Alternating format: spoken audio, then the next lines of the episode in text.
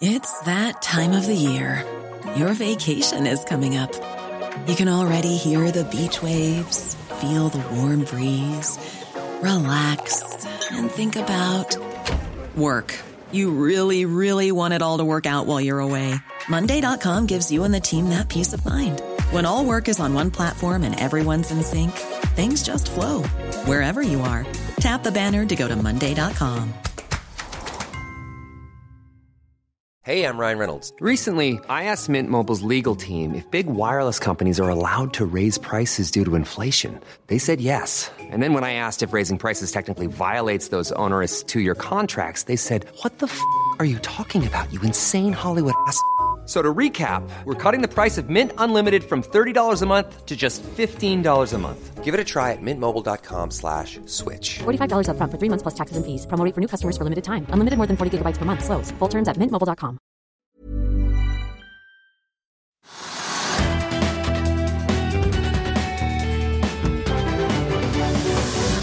Velkommen til eh, denne spesialsendingen her hos oss i eh, Finansavisen på Scandic Holmenkollen Park Hotel, der altså Pareto har sin 30. energikonferanse. Vi skal høre fra en veldig spesiell eh, gjest nå, som er en av de store navnene her på konferansen. Også på den store åpningsdiskusjonen som akkurat er over nede i lokalene under oss. Andreas Soman Pau har altså i 20 år gått fra å overta Bergesen rederi her i Norge til å styre da dette konglomeratet som heter BV Group, en av verdens største maritime industriklynger. De er jo en gigant også på Oslo Børs, får vi jo si. Ikke bare for selskaper som gassfraktrederiet BV LPG, oljeselskapet BV Energy og BV Offshore, men også andre selskaper som produkttankrederiet Hafnia, Cadeler med sine løfteskip for havvindturbiner, og flere fornybarselskaper, inkludert av BV Ideol. Med over 10 000 ansatte globalt, over, eller får vi si nesten 500 skip i flåten og selskaper verdt av 75 milliarder kroner på Oslo Børs, så følger næringen med når Summen Pao snakker. Og snakke det skal han gjøre med oss også. Han har akkurat fortalt publikum her nede at Norge og Oslo Børs risikerer å bli litt utkonkurrert i kapitalmarkedene nå som den store energiklyngen, hvis ikke vi holder oss konkurransedyktige. Mer om det, utsiktene for energi, om vi risikerer en resesjon og hva som egentlig skjer i BV-gurtenbagen, det blir det mer om når Andreas Sommenpau er min gjest rett etter dette. Da står jeg her med en av de store nøkkelnavnene på Pareto-konferansen her på Holmenkollen Park Hotel. I'm going to switch to English now because Andreas Sommenpau, chairman of the BV Group, uh, you're one of the key uh, names here for this conference, but you've been a participant for many, many years and you're a close, uh, shall we say, customer, at least friend maybe of, of Pareto Securities as well with all your businesses. Thank you for taking the time. Thank you. The Jubilee here today is 30 years of the Pareto conference, but you've been here, what, 20 years now since uh, Bergesen became uh, what we know today as a BW Group, or at least parts of it? Exactly. It was 20 years ago that uh, we signed the deal with Morten Bergesen and Pettersund, and uh, it's been a great journey since then. We've grown significantly from then two companies worldwide in Bergesen to 18 companies in the group now and the fleet has grown, and uh, the number of people we have in Norway has grown too.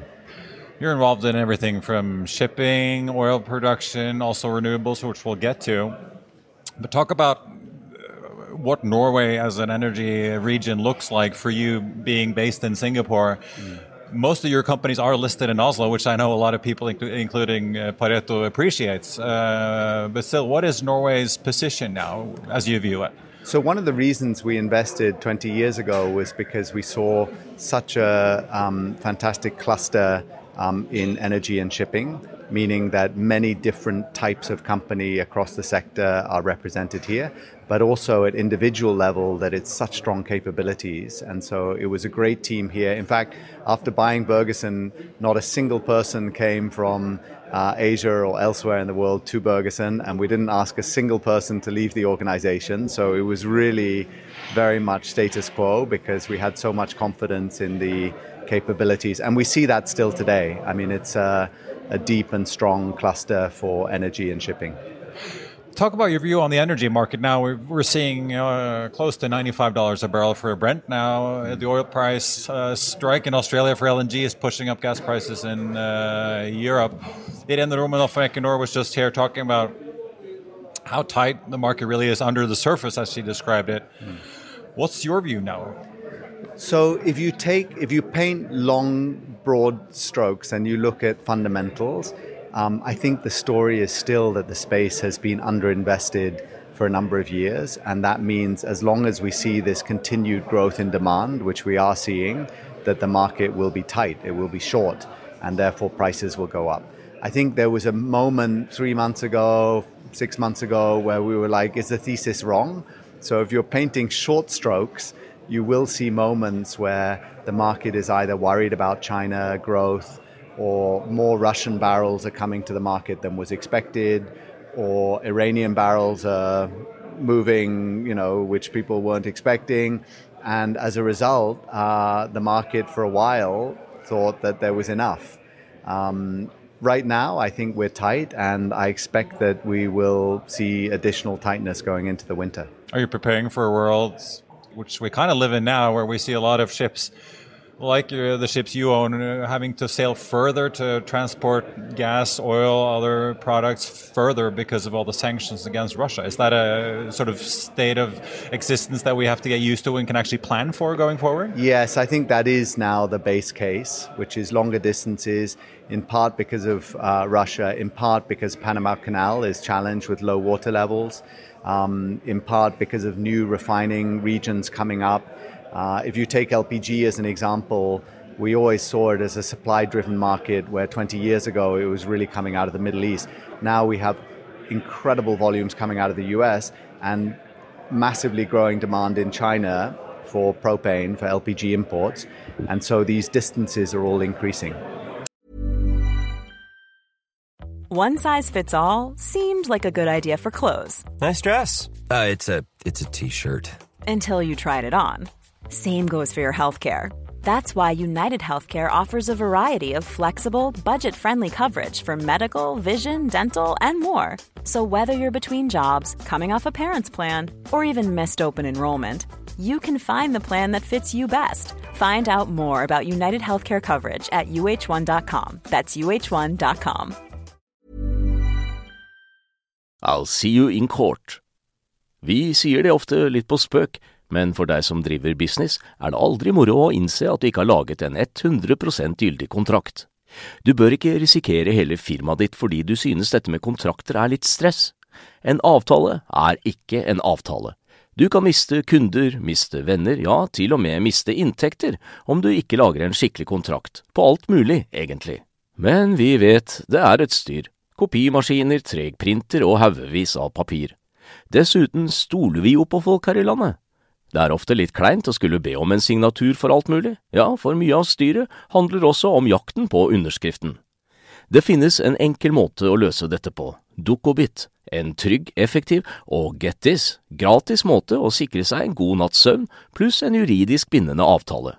Dukkobit-appen har de strengeste sikkerhetskrav i bunn, samt en EU-godkjent og sertifisert teknologi. Framover vil det bli behagelig å spørre du, skal vi skrive under på det, eller? Kom i gang på dukkobit.no. We have a big event tonight, Norwegian time at least, 8 p.m. Uh, the Federal Reserve will announce their uh, decision on rates. Uh, are you preparing in the BW system, BW group, for a recession? With all the central banks increasing rates, increasing rates, increasing rates, trying to fight inflation, yeah. but also in effect increasing cost of capital and the cost of doing business. Yeah, so we just had a meeting of most of our CEOs here um, recently, and uh, this was one of the things that I was saying personally. I think that we are very close to, if not already, in a recession. Obviously, it's different region by region, but um, you know some of the headline numbers look okay. But what I'm seeing, if you scratch the surface, is some very deep cracks developing. And the most obvious point to make being that when you go from a very low interest rate world to where we are today, there will be fallout. It's just that there is a lag effect. But you're still um, waiting for it, the fallout to happen. Yes, and we, we as a company, we just um, prepare ourselves. So we have very strong balance sheet, low low leverage. Uh, we've hedged a lot of our interest rates, so we, we're protecting ourselves against it. if the world does well and we have a soft landing, we'll be fine. If it goes badly, then we we're bracing ourselves. We'll cross our fingers. Uh, I want to finish off with renewables and also sort of get your view on on also uh, for the future or Norway as the, going forward in the future. A lot of talk here, both from Pareto and others, about the green transition. We've seen some challenges, uh, especially in offshore wind. We've seen a lot of projects generally get cancelled or postponed with increasing interest rates and the cost and cost of capital. Uh, what what do you, from your position, need to see happen here in Norway? for Norway to remain in the position that it's had, at least in, in your system? Right. So I think that renewables is obviously a very big sector with many subsectors. And as a company or as a country, one needs to pick one's spots and be thinking about where um, is the need the greatest and where does it match with capabilities. And so, actually, one of the first renewable companies we had in our portfolio was Corvus, which is Norway based. It's a battery company for the maritime sector. Um, which is a cooperation with uh, Norsk Hydro. Exactly, yeah. with Norsk Hydro and Equinor and Shell. Mm. And, uh, you know, is doing very well in terms of uptake and, and demand and so on. And you know, some of the battery developments, I think Norway is is sort of seeing that as a, obviously the ocean industries. Uh, you know, to the extent that that relates to renewables and transition. Um, but I think it is important to then decide, you know, um, where to focus, perhaps, because it's a it's a big sector. Yeah.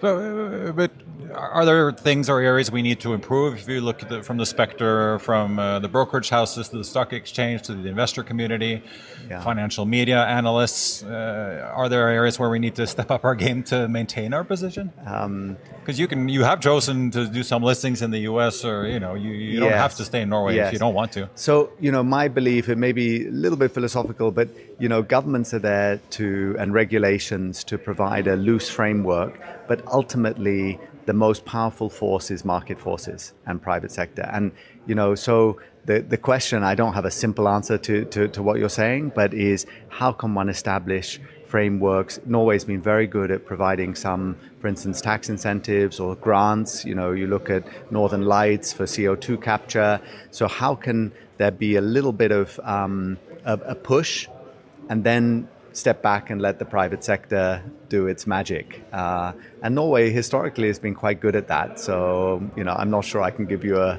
a, a, a singular answer. No, but you, obviously you're engaged in batteries. Yes.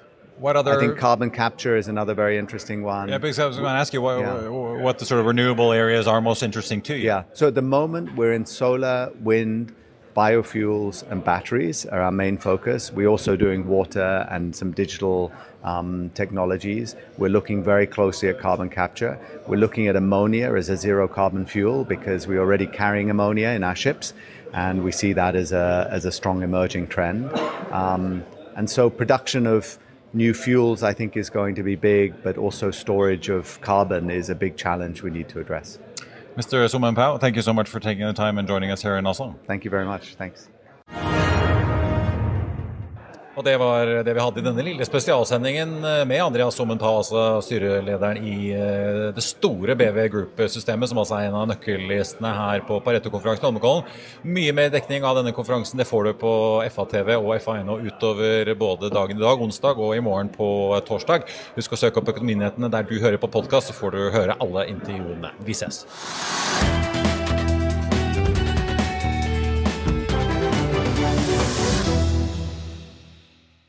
Økonominyhetene er en podkast fra Finansavisen. Programledere er Marius Lorentzen, Stein Ove Haugen og Benedikte Storm Bamvik. Produsenter er Lars Brenden Skram og Bashar Johar.